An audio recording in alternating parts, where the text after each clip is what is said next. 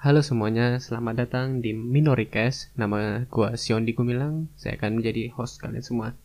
Jadi sebelum kita memasuki topik kita balik pada hari ini, pada malam ini ya sebenarnya. Soalnya sekarang udah jam 11 waktu Indonesia Tengah.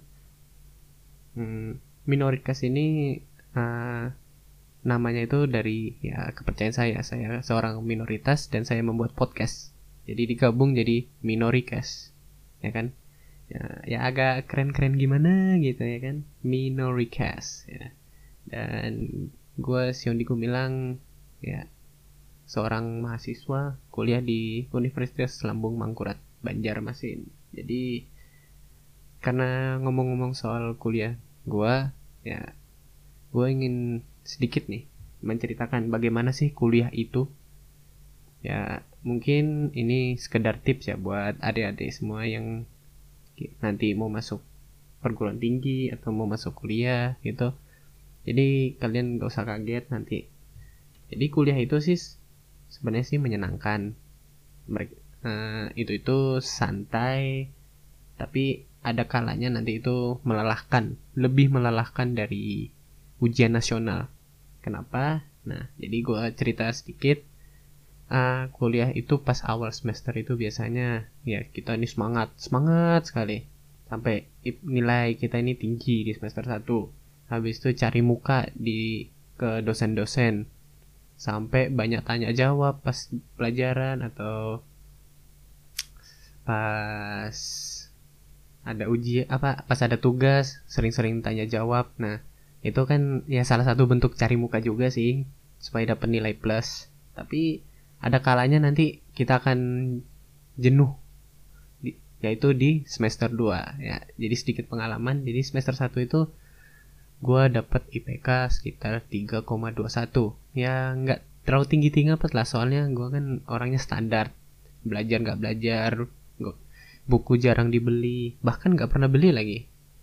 Jadi IPK ya 3,21 lah standar. Dan teman-teman gue nih semuanya rata-rata ada yang 3,51 ada yang 3,6 banyak lah pokoknya. Di semester 1 itu tinggi semua. Terus di semester 2 nah terungkap nih. Jadi gue juga nih di semester 2 ini menurun. IPK gue jadi 2,89 kenapa? Ya ini nih kar mungkin karena kutukan dosen ya. Soalnya pas kita masuk dosen udah bilang semester 1 ini mahasiswa pasti akan meningkat, pasti IPK-nya tinggi-tinggi, tapi nanti lihat pas semester 2 menurun. Ternyata kutukan itu nggak pernah lepas. Karena semester 2 kami ini waktu itu wah rata-rata banyak nurun, banyak yang di gimana ya? Sebut kayak andai kan kayak didisiplin gitu lah.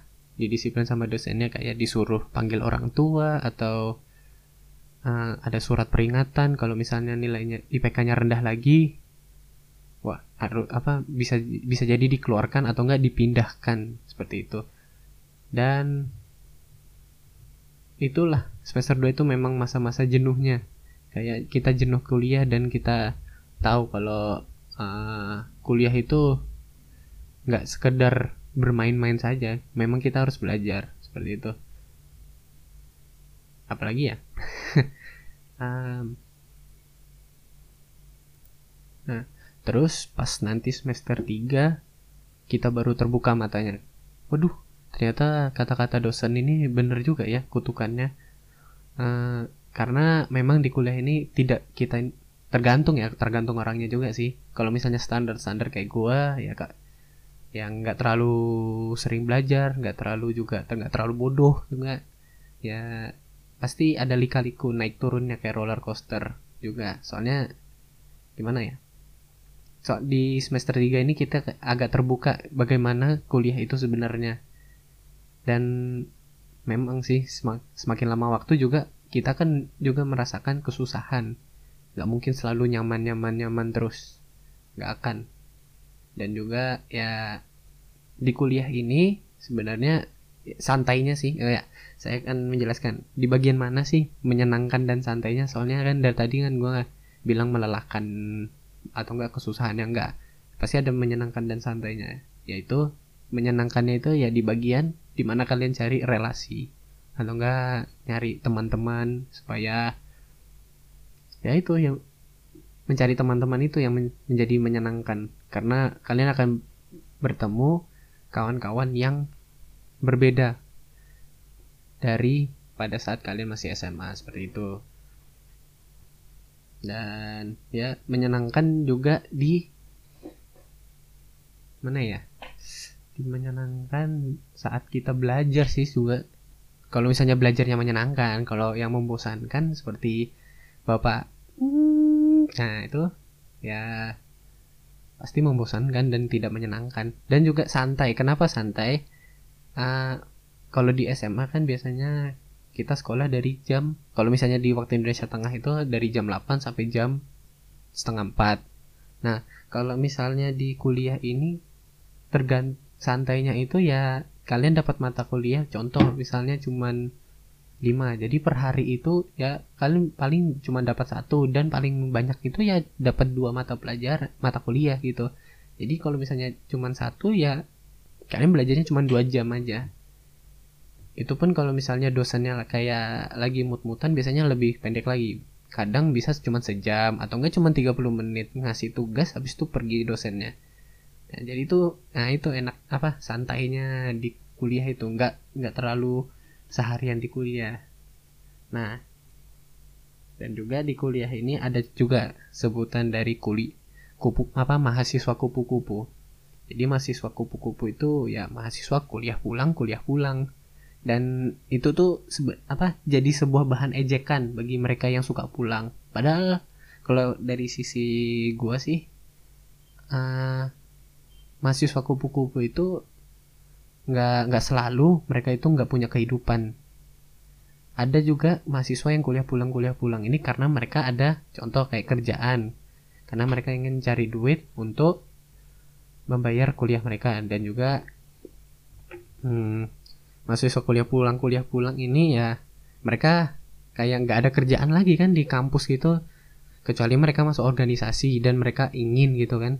Tapi kalau mereka nggak mau ya nggak usah. Ya. Mereka mungkin mereka punya kegiatan lain seperti itu ya kan yang lebih bermanfaat dari berorganisasi. Contoh kayak melakukan hobinya. Eh tiba-tiba hobinya bisa menghasilkan duit. Ya sama lah kayak bekerja itu uh, jadi sebenarnya sih kalau misalnya apa nanti kalian kuliah pulang kuliah pulang ya nggak usah nggak usah takut diejek-ejek. Soalnya kan kalian pasti melakukan sesuatu yang positif kan. Nggak mungkin kalian kuliah pulang kuliah pulang eh tiba-tiba narkobaan dan hamil. Kan nggak mungkin. Seperti itu. Hmm. oke ya selanjutnya kita akan ngomong tentang bagaimana sih uh, kita menyikapi Bukan, sorry. Bagaimana sih proses belajar mengajar saat kuliah itu? Nah, jadi gue jelasin sedikit untuk kalian yang nanti contoh lah mau masuk SMA eh mau masuk kuliah ya kuliah di kuliah ini kalian akan di, dihadapi oleh kenyataan yang berbeda 360 derajat dibanding eh di, berbeda dari SMA waktu kalian SMA. Kenapa? Nah, kalau misalnya kalian SMA, guru kalian kan diatur oleh kurikulum dan mereka wajib mengajar kalian seperti itu kan. Nah, kalau dosen di kuliah ini ada dosen yang bisa dibilang um, memakan gaji buta. Ya, jadi terkadang mereka nggak ngajar tapi tiba-tiba dikasih ujian dikasih soal. Nah jadi kalian harus benar-benar siap menghadapi dosen seperti itu. Dan juga dosen ini nggak kayak guru yang harus uh, harus ceria harus tegas atau nggak disiplin. Nggak. Dosen ini bodoh amat sama kalian sama tindakan kalian kalau kalian nakal jadi contoh kayak apa kalian nikah atau kalian merit by accident atau kalian narkobaan, dosen itu bodoh amat. Yang penting dosen itu sudah mengajar dan sudah membagikan materi.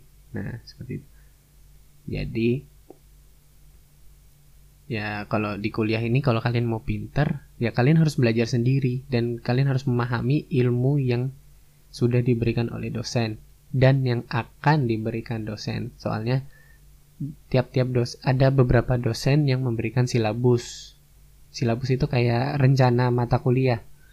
Eh bukan rencana mata kuliah, rencana topik pembelajaran ya, rencana topik pembelajaran. Jadi dosen itu sudah mempersiapkan kalian dengan dibagikan silabus itu dengan judul-judul yang akan kalian pelajari.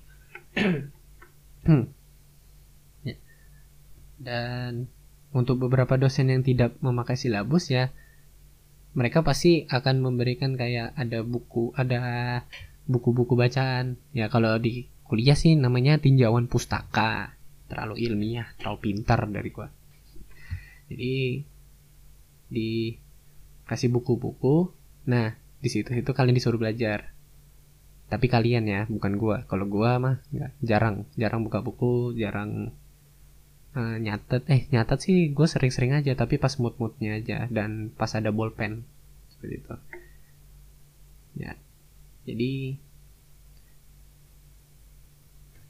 dan juga oh ya dan apa sih perkemb apa uh, mungkin ada pertanyaan sih untuk dari kalian yang ingin masuk kuliah nanti.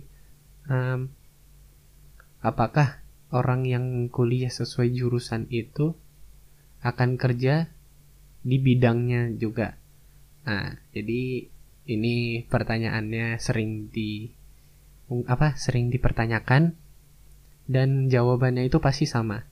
Tidak selalu bidang apa jurusan yang kalian ambil itu sesuai dengan bidang pekerjaan kalian nanti. Kenapa? Ya mungkin ada fak beberapa faktor-faktor kayak contoh ad kalian ngambil fakultas apa? Fakultas pertanian atau enggak fakultas teknik sipil. Eh ternyata ada bos yang nawarin kalian kerja jadi uh, customer service-nya bank dan digaji sebanyak 30 juta per bulan. Nah pasti kalian dan pekerjaan yang sesuai bidang kalian itu ya cuman paling cuma dibayar. Contoh lah kalau misalnya teknik sipil kan jadi ar apa arsitek kan paling cuma digaji 10 juta. Pasti kalian pasti uh, milih jadi customer service kan yang di yang digaji sebanyak 30 juta. Nah mungkin salah satu faktornya seperti itu. Tapi kalau misalnya dari sisi gua uh, kalau gua sih lebih suka yang sesuai bidangnya. Kenapa? Karena hmm, kalau kita bekerja sesuai dengan bidang kita pasti kayak merasakan ada ada kayak kesenangan di balik pekerjaan itu. Kayak semacam hobi gitu. Gue ini kan uh, tukang desain. Nah jadi gue walaupun gaji seorang customer service eh ya seorang CS lah. Ngomong se seorang CS 30 juta ya gue mah bodo amat. Soalnya gue kan gak punya skill di situ. Dan gue ngomong-ngomong di podcast ini kan ya ngomong-ngomong seadanya ngomong-ngomong sehari gitu jadi gue pintarnya tuh di desain. Jadi gue pintar di visualisasi gue pintar di kreatif gitu. Dan kalau sesuai bidangnya kan jadi senang banget gitu. Jadi ada kesenangan di balik pekerjaan. Dan itu merupakan apa kayak semacam menjadikan sebuah passion gitu. Dan passion itu memang sangat menyenangkan di dunia ini. Walaupun kalian ag agak dibikin susah tapi itu sangat menyenangkan nanti oke. Mungkin ada topik lain tentang kuliah ini coba saya coba gue lihat dulu ya. Hmm. oh ya untuk tugas-tugas di kuliah itu seperti apa ya? Tugas-tugas di kuliah itu terkadang random.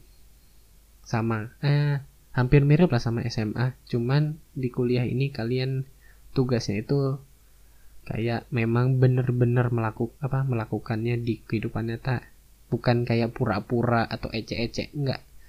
Jadi memang benar-benar melakukan. Contoh kayak uh, gua kan ambil ada nama mata kuliah komunikasi bisnis. Nah gua dis memang disuruh bikin bisnis gitu tugasnya.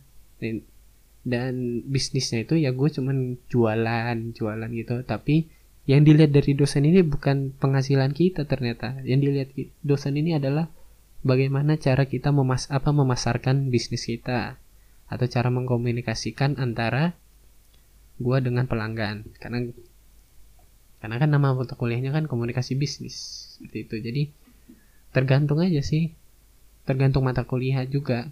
Kalau mata kuliahnya tentang teori ya paling tugasnya cuma disuruh meresum atau disuruh mereview buku gitu. Ya random random juga kan kayak SMA seperti itu tapi kalau untuk tugas penilaiannya nah ini ini yang kadang lucu buat gua dan buat teman-teman gua. Nah, penilaian itu tergantung sama moodnya dosen.